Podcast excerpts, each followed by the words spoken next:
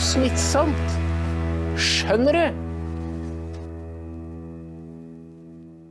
Da sier jeg velkommen til fredag 3. mars, og vi introduserer et nytt programkonsept som vi har døpt Skjønner du? Fordi det er da blitt et fast uttrykk i redaksjonen som alle bruker, til og med på hjemmebane. Og det er, eh, det er litt sånn eh, uformelt, eh, frekt, som vi håper å, å kunne overføre til TV-ruta. Fordi hverdagen vår består nå av så mange forskjellige biter at eh, vi trenger en bekreftelse fra dere på å få det til å henge i hopus. F.eks. i dag har jeg da endelig fått hjelp til å oppdatere bank-ID-en min. Og jeg sier til de gutta bak spakene her at hvordan er det å være alene og gammel i dette samfunnet? det er nightmare. Eh, jeg må ha hjelp av min bedre halvdel fordi jeg går lei og trøtt og får det ikke til, og gidder ikke ringe Danske Bank for å få instruksjon. Men det gjør da andre. Eh, så var det Og dette er bare ett lite eksempel på hvordan hverdagen blir vanskelig. Så var det et annet, og det var Trumf, som dere vet er et sånn bonusprogram som Kiwi har. Fordi jeg går Når jeg er postkassa, så putter jeg brevene i lomma, og der der blir de liggende helt til jeg tar dem opp etter kanskje noen måneder. Når jeg tømmer lommene. Og så tar jeg da opp brevet, og så viser det seg at det er fra Trumf. Og der står det at hvis du eh, vil bevare kontoen din, så må du gjøre følgende. Og dette var fra oktober i fjor. Eh, så viser det seg at det sto jo 7000 kroner på den kontoen. Og da tenker jeg at dette er veldig smart, og da må den aktiveres igjen. Det er veldig smart uttenkt av noen i Johannessen-gruppen hvordan man skal lage et bonusprogram hvor pengene tilfaller de som har lagd programmet når det går en stund. Fordi det var heller ikke lett å aktivere, fordi man var avhengig av denne nye bank-ideen. Og sånn går det. Sånn er den digitale hverdagen for vanlige mennesker.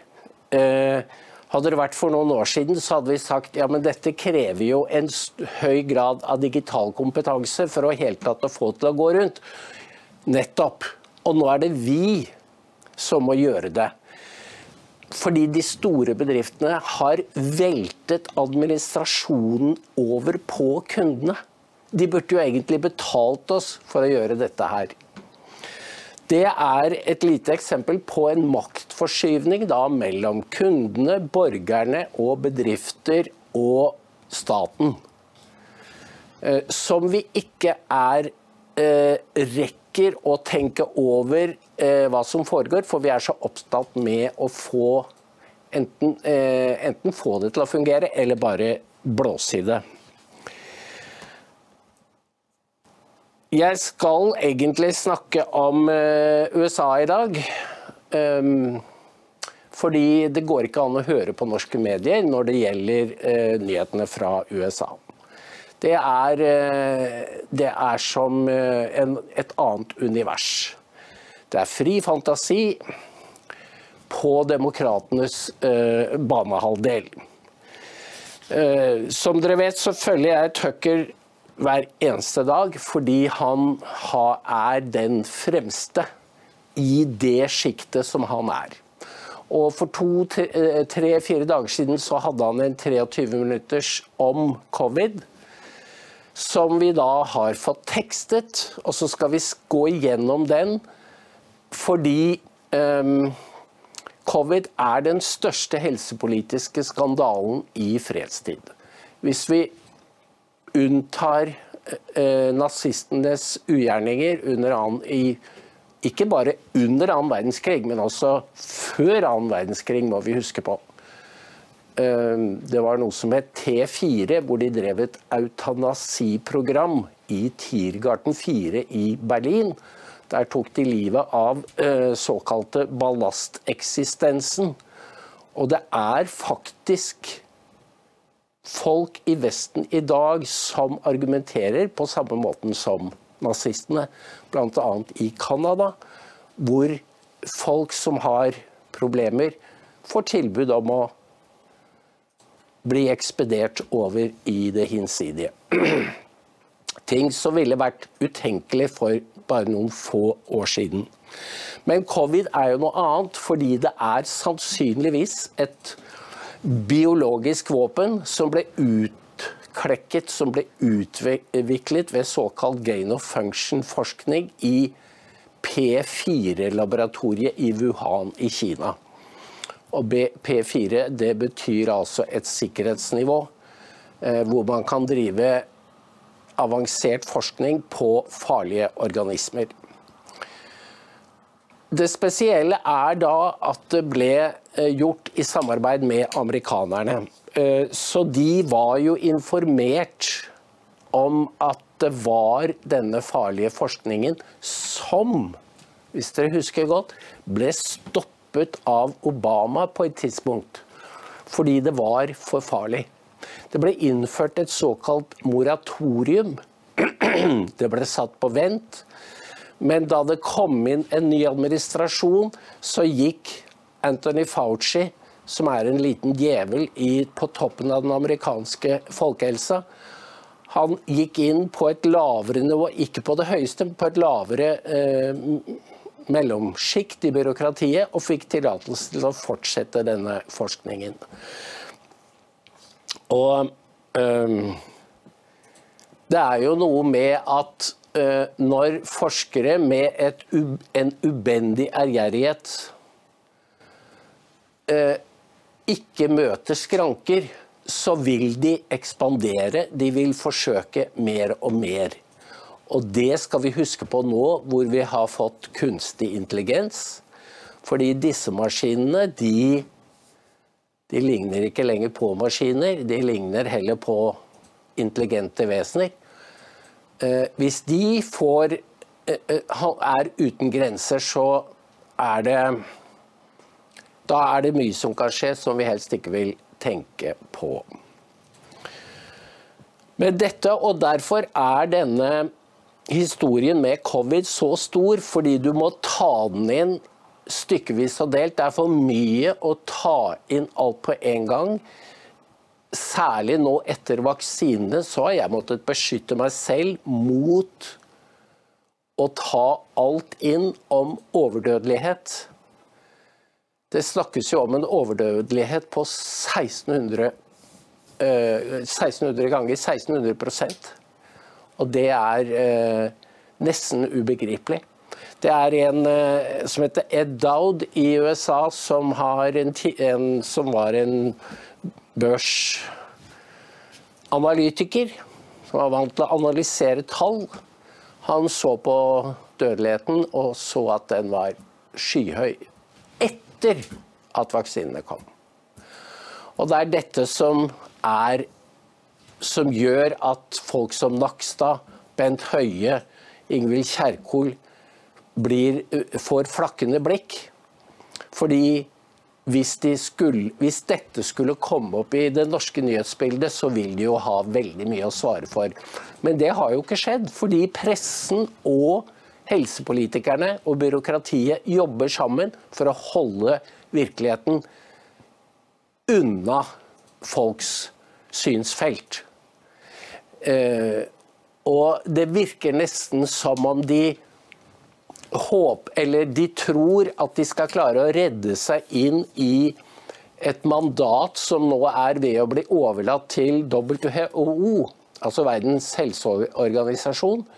For de skal få myndighet til å bestemme pandemireglene for alle verdens land ut fra, dette, ut fra, disse nye protokollene som blir vedtatt i WHO. De prøvde å gjøre det i fjor, da kom de ikke i mål. Nå er de i gang igjen. Og det er ikke diskusjon om det i norske medier.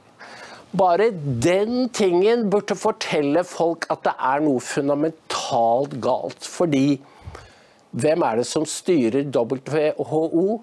Det er bl.a. Kina. De har veldig mye de skulle ha sagt. Og Bill Gates. Han har styreplass. Og disse menneskene har sånne planer at, uh, for verdens befolkning at uh, de vil helst holde dem skjult. Og det gjør jo at det svirrer av uh, rykter. Og dessverre så er det jo en del av disse ryktene som viser seg å stemme. Og en av de ryktene, eller det som ikke lenger er rykter, er jo da hvordan pandemien ble til. Nå sa jo amerikansk etterretning eh, så sent som denne uken at viruset kom sannsynligvis fra Wuhan-laboratoriet. Og det, det sa jo Tucker og hun kinesiske forskeren eh, allerede i mars 2020. Da var det total boikott fra liberale medier. Og så går det altså tre år før sannheten kom på bordet så prøver de å ro og si jo, men det er ikke total enighet og sånn i etterretningsapparatet. Nei vel. Altså, det er bare et forsøk på å redde sitt eget skinn. Fordi dette er da, De forsøker å sparke liksom ballen nedover eh, og holde den i bevegelse.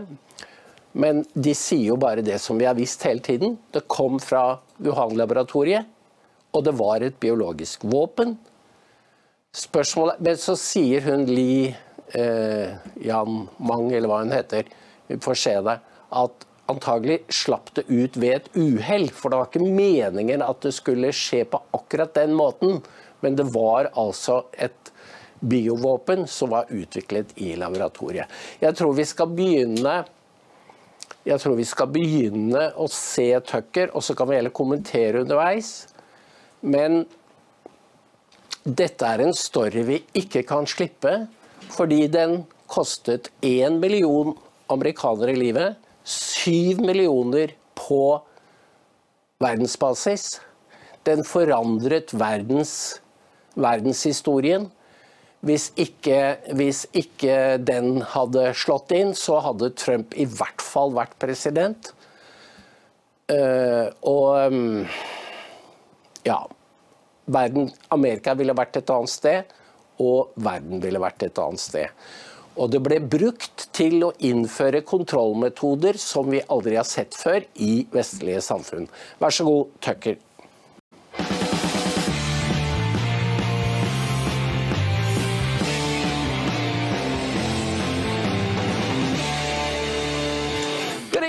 Welcome to Tucker Carlson Tonight. Happy Monday. So, how would you define the Biden administration? Well, really, the hallmark has been an almost otherworldly disconnection from the actual affairs of the United States. If it's really happening in this country, the Biden administration will pretend it's not.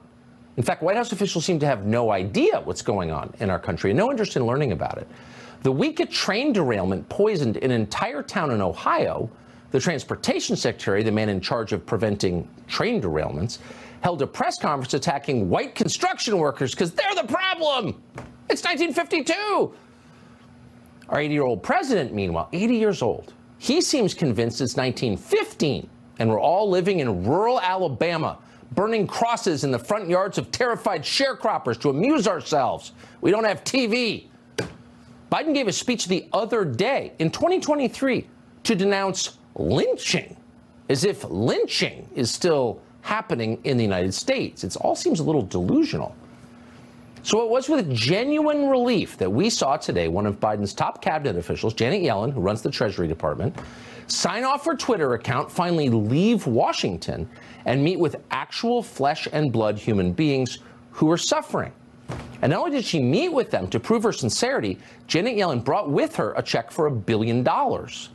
And we'll admit, partisanship aside, we were happy to see that. Finally, someone in the Biden administration who actually cares, who's getting on an airplane to show concern. That's the good news. The bad news is Jenny Yellen was not in East Palestine. She was in Ukraine. Watch. And today I'm proud to announce the transfer of an additional amount of over $1.2 billion. That's the first tranche of about $10 billion in direct budget support that the United States will provide in the coming months.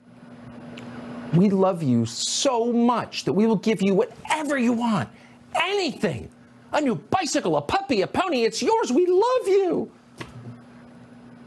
Billions more for Ukraine. Your tax dollars. But that money's not going to be going to the newly poisoned communities of eastern Ohio. Who cares about them?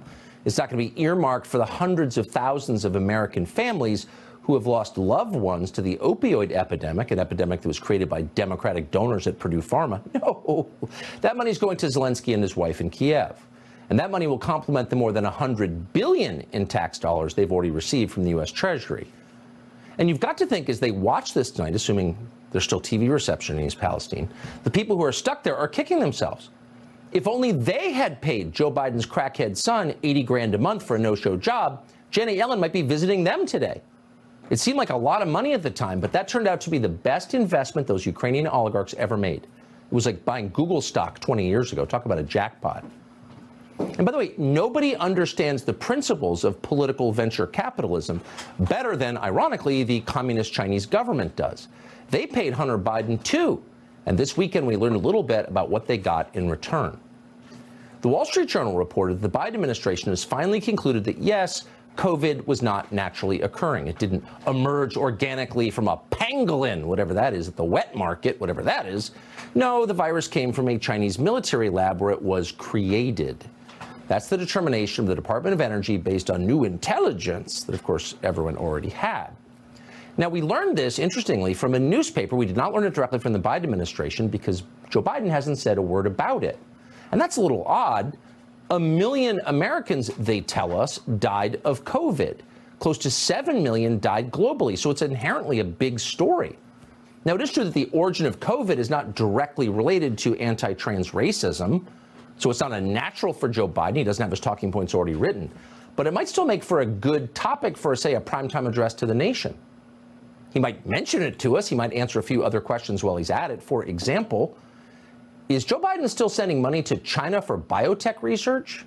The administration was actually doing that, sending cash to that same Wuhan lab as recently as last year. Are they still doing that? And bigger picture, have their views on China changed now they know that China is responsible for the deaths of almost 7 million people? Now that we know China unleashed COVID on the world, intentionally or not, and then lied about it for sure, and then put, hid life saving genetic information about the virus from the scientists who are trying to respond to COVID. Now we know all of that.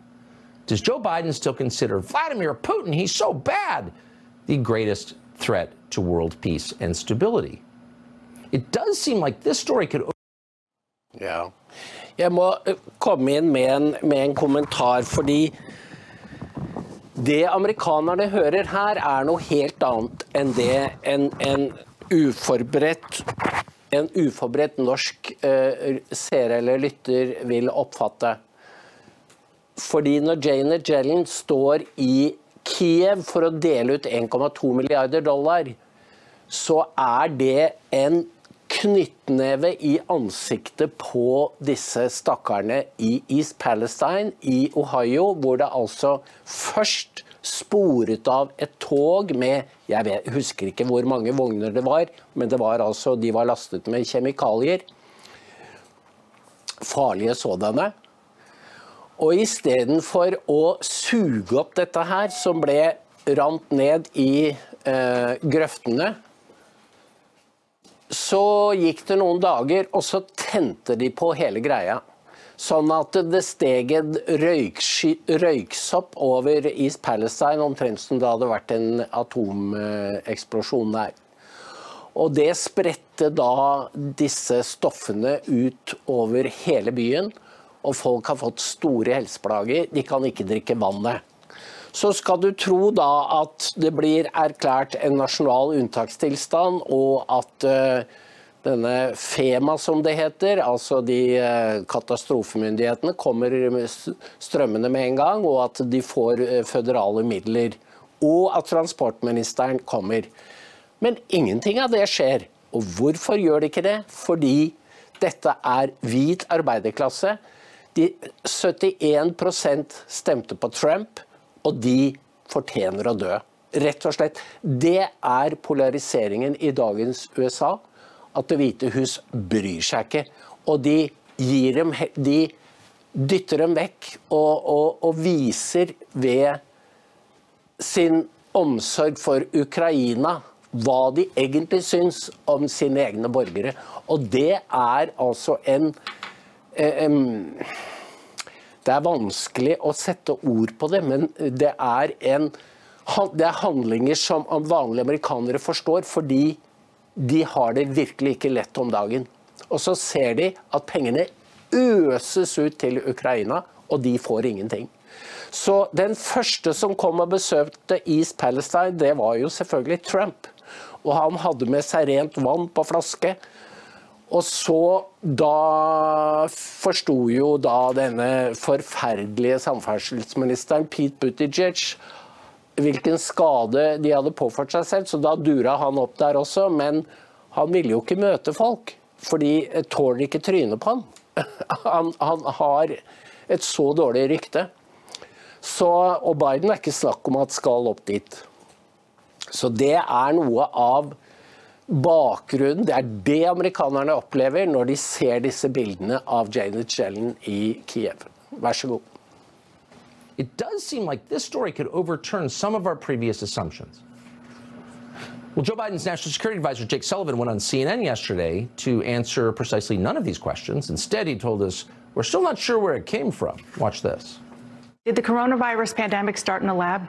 Is that what you believe now? Well, Dana, there is a variety of views in the intelligence community. Some elements of the intelligence community have reached conclusions on one side, some on the other. A number of them have said they just don't have enough information to be sure. And if we gain any further insider information, we will share it with Congress and we will share it with the American people. But right now, there is not a definitive answer that has emerged from the intelligence community on this question.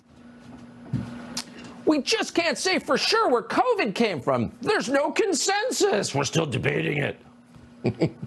well, there's never a consensus in Washington about anything, particularly not with the intel agencies. They're lying.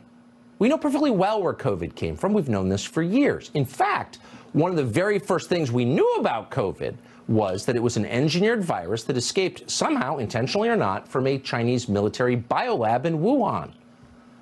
It was in early March of 2020, three full years ago, at the very beginning, that we did a long open on this show about the Chinese research paper whose authors later disappeared.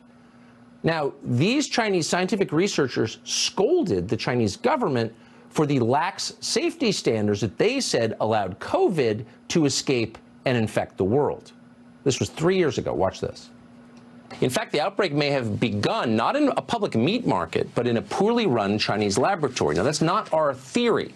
Anyone who raises that theory on American television is attacked as a conspiracy monger. But this is a theory from a now censored Chinese paper. A draft paper posted in mid February Scientists at the South China University of Technology suggested that the virus outbreak, coronavirus outbreak, began at the Wuhan Center for Disease Control, where an animal may have infected a researcher who then spread the disease outside the facility. The paper is explicit about this. We're going to quote it. The killer coronavirus probably originated from a laboratory in Wuhan, end quote. So it's not like we did a lot of hard hitting reporting with our Chinese speaking staff. That paper was in English on the internet, and anyone who was interested could have found it. We were just interested. That's why we found it. And then we found someone who was there we found a Chinese physician, a scientific researcher who worked for the Chinese government, who was in and around Wuhan when COVID emerged from that lab. Her name is Li Mingyan, and we did a bunch of interviews with her. Here's one.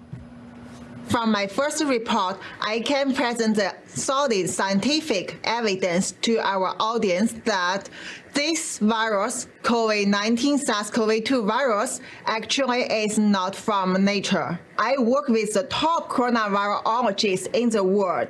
So together with my experience, I can tell you, this is created in the lab. This is from that template owned by China military.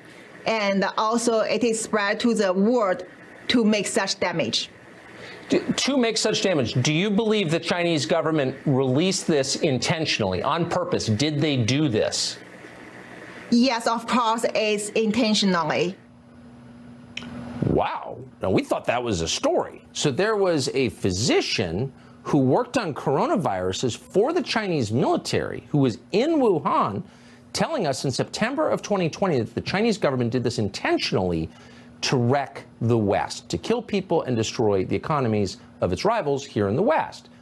Now, if you're a middle class Christian American, it's hard to imagine that level of malice existing anywhere in the world. You just would never consider doing something like that. But with the Chinese, are they serious enough? probably. But instead of following up on that, people attacked the woman you just saw, really attacked her, and then attacked us for giving her airtime. Pants on fire, you're lying, said the quote fact checkers. But she wasn't lying. And Tony Fauci and many others in the US government knew that she wasn't lying. In fact, they knew the truth about where COVID came from long before the rest of us had even heard the term COVID. In mid November of 2019, a friendly Asian government, we have learned, sent a cable to American officials warning that there was evidence or something strange going on in Wuhan and it looked like a dangerous leak from a biolab. They knew that. The origins of COVID were never a secret. The real story, the great outrage of this story, is that the people who knew or should have known the truth lied about the truth. Why? To hide the Chinese government's role in mass murder, the killing of almost 7 million people and the destruction of the American economy. That's the interesting part looking back three years later. From the beginning of the outbreak, the American media, as one, took the side of the Chinese government in this new propaganda war over COVID. And Trump, once again, to his credit, knew. He knew exactly where this came from. He didn't say so directly, he should have, but instead he alluded to it. He called COVID the China virus. And when he did that, he was over the target, so the Chinese government attacked him. They've learned a thing or two from watching American politics as a quote, racist. One Chinese news outlet tweeted this quote, racism is not the right tool to cover your own incompetence. Shut up, racist! they saw it working in America. We're going to try that. And it worked. And then the entire American press corps covered for the Chinese government. People like David Frum at The Atlantic. Oh, he's so smart. David Frum immediately parroted that slur from the Chinese government. You have to ask yourself was David Frum taking money from Beijing to repeat their lies? We can't confirm that, but he might as well have been taking money from Beijing. And it wasn't just David Frum. NBC News calls the, called the phrase Chinese virus, quote, both inaccurate and harmful in tying racist associations between the virus and those from China. Of course, the virus was from China. It was from a Chinese military biolab, and it may have been released on purpose to kill people. It didn't matter. No one asked a single question. Joe Biden and his lackeys in the media all repeated the talking point. Watch this. But neither should we panic or fall back on xenophobia. Labeling COVID 19 a foreign virus does not displace accountability. The president referred to the coronavirus as a quote foreign virus, and I think it's going to smack. Uh, it's going to come across to a lot of Americans as smacking of uh, xenophobia. The administration's labeling of this virus as foreign is undoubtedly playing into the rising xenophobia about it. Trump isn't cautioning us to check our racism, but is rather stoking xenophobic sentiment. The president says it's a foreign virus as if this was launched on us like an attack. We know what that's about. That's about him playing xenophobia, works with his base. Why do you keep calling this the Chinese virus? Why do you keep using this? A lot of it people say it's China. racist. It's not racist at all. No, not at all. It comes from China. Every one of the people you just saw should resign in disgrace and should spend the next decade in ashes and sackcloth, sackcloth pondering what they've done, which is cover for a crime. And by the way, if the U.S. media had swung behind the evidence in this story and pressed where did this virus come from, then it's at least potentially conceivable that scientists in the United States would have forced the government of China to release the information they had about the genetic makeup of COVID. Maybe we've had a vaccine that worked, for example, or a medical response that saved Americans' lives, but they didn't. None of them did. The New York Times' top global health and COVID reporter, a person called Apurvi Purva Mandavili, wrote, quote, someday we will stop talking about the lab leak theory and maybe even admit its racist roots. But alas, that day is not today. Wh- Where is the Oberlin Sociology Department New York Times pipeline? Like, when did that start? Why are they hiring the dumbest and most reflexive people who take their opinions wholesale from the hive of Twitter? There were a few people who are not deterred by racist, shut up. They said what was clearly true, and for their trouble, they were denounced as crazed science deniers. Science deniers, okay. Senator Tom Cotton was attacked because he relied on a map and common sense to ask a very simple question. Here's what he said. Here's what we do know. This virus did not originate in the Wuhan animal market. Just a few miles away from that food market is China's only biosafety level 4 super laboratory that researches human infectious diseases. Now, we don't have evidence that this disease originated there, but because of China's du- duplicity and dishonesty from the beginning, we need to at least ask the question. Well, yeah. And by the way, that wasn't a guess. A wet market is a seafood market. A pangolin is a mammal. So they weren't selling pangolins in a seafood market, for one thing. For another, a group of Chinese researchers went and interviewed everybody in the wet market and asked, Have you ever seen a pangolin for sale here? Or bats, another mammal? No, not one had. That was on the internet. We read it, we reported it. That was February 2020. So what we knew at that point was the Chinese government's lying. Tom Cotton was absolutely right. And for his trouble, he was called insane, a conspiracy theorist. Tom Cotton a couple of days ago uh, spouting a conspiracy theory that the Chinese made this virus up. Don't try to spool up uh, some of whoever was wearing tin tinfoil hats in your audience. Let's apply Occam's razor and just call crazy crazy. This is crazy. This is an insane thing to do. It's just wildly irresponsible and was totally unnecessary. I don't know what Tom Cotton gets out of this. In the 1980s, I remember when the far left trafficked in rumors about HIV having been invented in CIA labs. The far right has now found its own virus conspiracy theory. Oh, yes. Let's have the plagiarist Fareed Zakaria on to tell us about science. By the way, it wasn't just Tom Cotton who was attacked. It's, it's almost too unpleasant to bring you the story because the wall of dishonesty was impenetrable at that point three years ago. The one thing we needed to know, where did this come from, was the one thing they wouldn't let you even consider. In fact, if you did, you would be unpersoned. Facebook banned any user who suggested the virus was man made because, and we're quoting, the science was settled. It was not settled at all. There was no science. We didn't know anything. As NPR reported, quote, scientists debunk lab accident theory of pandemic emergence. Really, on what basis? They had no evidence to, quote, debunk it. But that didn't stop Vox from, quote, reporting, and we're quoting now, no, coronavirus did not start in a Chinese lab. They had no idea. They were just flat out shilling for the Chinese government and hiding its complicity in mass murder. What? And then a woman called Laura Helmuth, the diversity hire now running the once but no longer respected publication Scientific American, said, quote, it's a conspiracy theory to believe a lab leak had occurred. But it did. That's the thing. Facts still matter. Every facet, every element, every link in the chain that connects every part of elite America to itself pushed the same lies. Even the, the quote comedians, they were on propaganda duty too. Watch this. He's also pushing U.S. intelligence to find evidence for this theory that the virus was accidentally released from a lab in Wuhan. That's his new angle to feed the wingnuts, uh, to treat this virus like it was a conspiracy of some kind. It should have never happened. This plague should never have happened. It could have been stopped. But people chose not to stop it.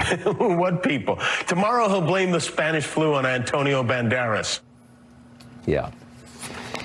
Imagine if you're a comedian and all of a sudden your cue card has all kinds of talking points from politicians and foreign governments on it. Don't read it. You degrade yourself and you become complicit in the greatest crime in history. So you have to ask what role did the U.S. intelligence agencies play in all of this? Of course, they knew. Well, at one point, MSNBC's Nicole Wallace, the single most dishonest person on television now or ever, claimed that, and we're quoting, Donald Trump is turning his intelligence community to now investigate a conspiracy theory about COVID coming from a lab in Wuhan. By the way, we're not watching this woman's show, but is she in tears tonight begging the forgiveness of her audience? No. But let's parse this for a second. Obviously, she was wrong about the origins of the virus. It did come from that lab, intentionally or not.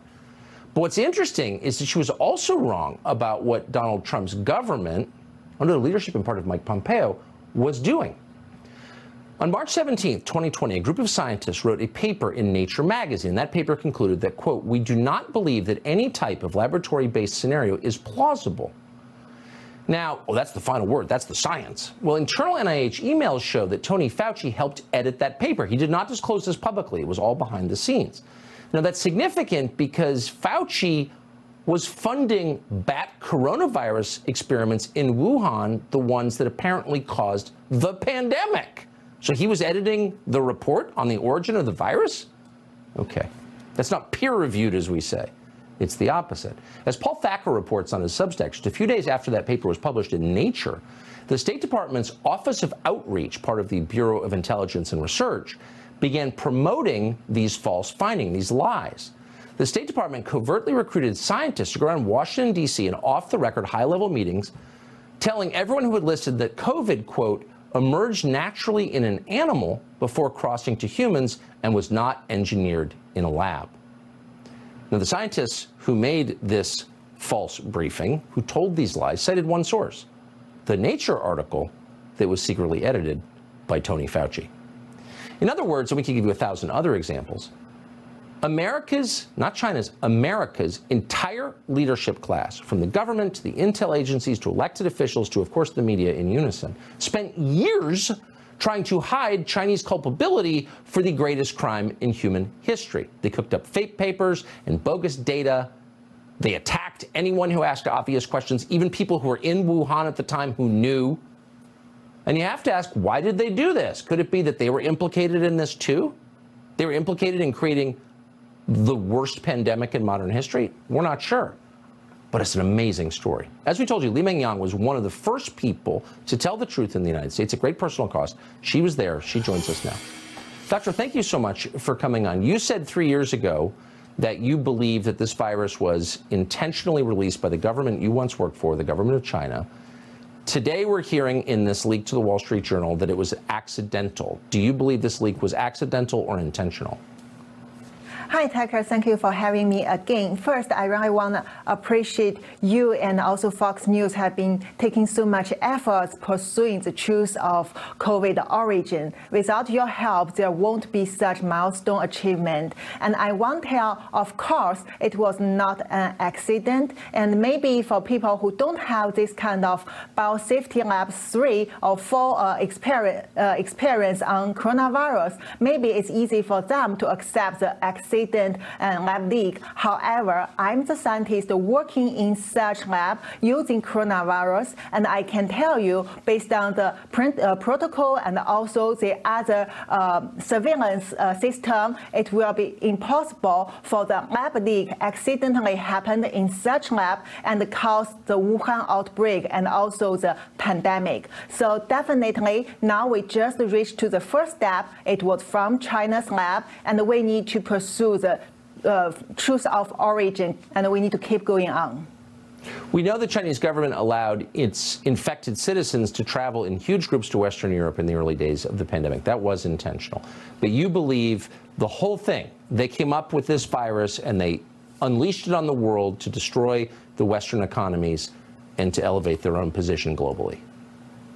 I want uh, uh, emphasize one thing is I would say based on the evidence and the source I have that the lab, uh, the uh, virus was intentionally brought out of this strict lab and released in the community. However, I don't think the outbreak in Wuhan was intentional. I would say it was because CCP government and military scientists underestimate the transmissibility. That's why finally it got out of control and caused a local, uh, local outbreak. However, we should know that CCP government intentionally to let it go all over the world to kill millions of people all over the world later. We we just have to hope and pray that you will be interviewed by many other journalists in this country over the coming weeks. Now that this has been confirmed, you're an eyewitness to it. You have a, I think, a credible story to tell, and I and I really hope you're no longer ignored. I appreciate your coming on again tonight, Li Ming Young. Thank you so much. Thank you, Tucker. Vi er fryktelig glad for at dere sitter og ser på oss nå. Enten dere gjør det i opptak eller dere ser sendinga samme kvelden som vi har laga den, så er det helt supert. Vi er glad for alle som ser på oss. Hele tida.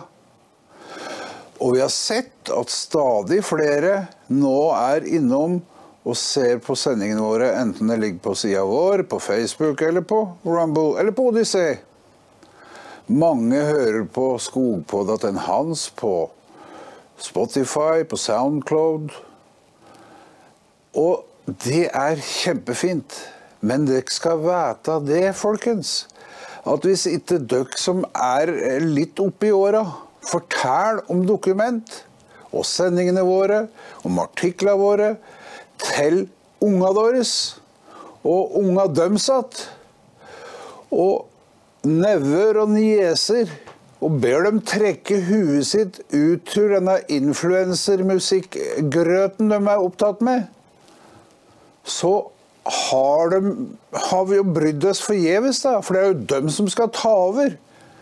Og vi trenger flere unge lesere, seere, bidragsytere. Og den beste måten å starte på, det er å få dere som ser på, til å finne og verve flere lesere og abonnenter, bokkjøpere, og få vekte opp den unge generasjonen. Jeg er klar over at jeg er grå i håret, og det er det flere av oss som er. Noen har ikke hår igjen.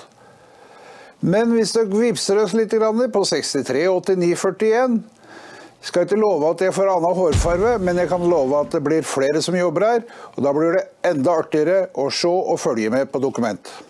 63 89 41. Her er det mye å gripe fatt i. Um, jeg husker jo én story fra New York Times, faktisk, som eh, tok for seg utviklingen i Wuhan. Fordi der ble det eh, innført eh, De mistet jo totalt kontrollen over pandemien i byen, som er en by på 11 millioner. Jeg hadde jo aldri hørt om den engang. Um, og der innførte de eh, total isolasjon. Hele byen ble lagt i karantene 20.1. Og all innenlandstrafikk stoppet selvfølgelig. Men den internasjonale flytrafikken gikk ut av Wuhan. Og der skriver New York Times, det talte jo ikke til deres fordel, men de skrev at inntil eh, innreisen til USA ble stoppet, så hadde 440 000 mennesker reist fra Wuhan og til USA. Og de tok selvfølgelig med seg sykdommen, og det var helt bevisst. Hvis et regime isolerer en by, men lar trafikken til utlandet gå som normalt, så er det selvfølgelig med en hensikt, og det er å spre viruset til hele verden. Det er ikke blitt understreket i norske medier, det er blitt feid under teppet. Og våre medier og faktasjekkere, eh, faktisk.no, har jobbet for det kinesiske regimet helt opp til det siste. De har ikke tatt opp den skandalen, den helsepolitiske skandalen, fordi våre helsemyndigheter bygget på informasjonen som kom fra Genéve, WHO og fra eh, USA, eh, Center for Disease Control. De koordinerte sine tiltak, eh, og vi fulgte det samme mønsteret. Det burde nå vært et gigantisk oppgjør med hva var det vi gjorde. Eh, og isteden så er det sånne småting som ja, jeg tror ikke vi skal bruke munnbind mer. Det var det jeg så en plakat fra Folkehelsa. Men dimensjonene på det som skjedde, og den politiske betydningen, er jo helt fraværende i norske medier. Og det lover svært dårlig for fremtiden. Fordi dette var et, en demonstrasjon av et orwelliansk samfunn hvor, hvor sannheten oppløses og, og vi beveger oss i en tåke av løgn. Og folk vet ikke lenger hvem de kan stole på. De stoler ikke helt på myndighetene. Eh, og de merker at, de, at vi skal kontrolleres. Eh, For den som ta, greier å rygge litt tilbake, så kan du tenke deg eh, fremstillingen av Putin versus Kina. Det er jo som to verdener.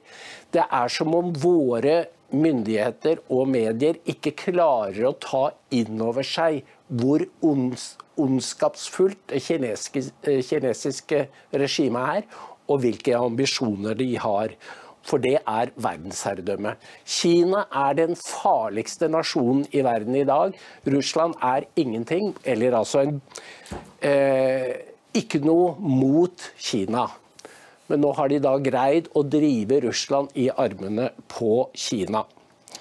Og eh, det skal bli veldig vanskelig for Vesten eh, å beholde, eller overbevise resten av verden om at de snakker sant når de sier at de ikke hadde noe med Nordstrøm 1 og 2 å gjøre, f.eks.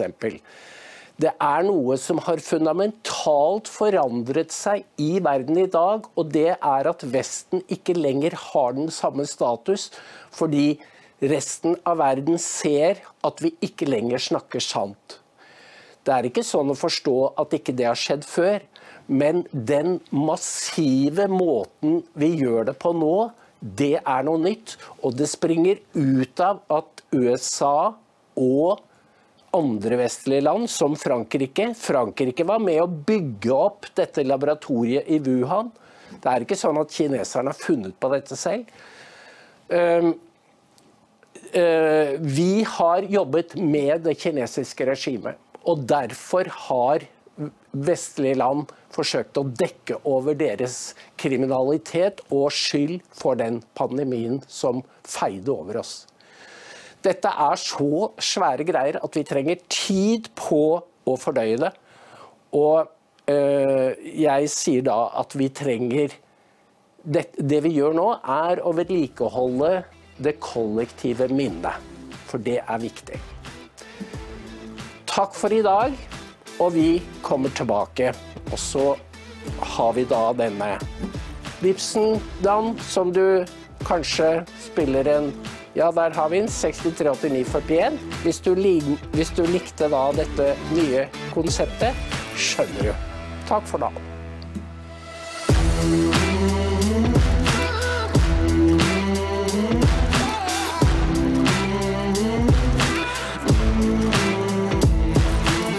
Det er jo vi som er flest. Skjønner du? Neimen, hei! Har du også antistatlige holdninger? Ja, da har du kommet til rett sted. Da er Dokk-TV noe for deg. Men for at vi skal kunne lage Dokk-TV, så er vi avhengig av din støtte. Vips et bidrag til 63 89 41. Takk. Husk å vips, ellers så kommer klimatrollet og tar deg, og jorden går under.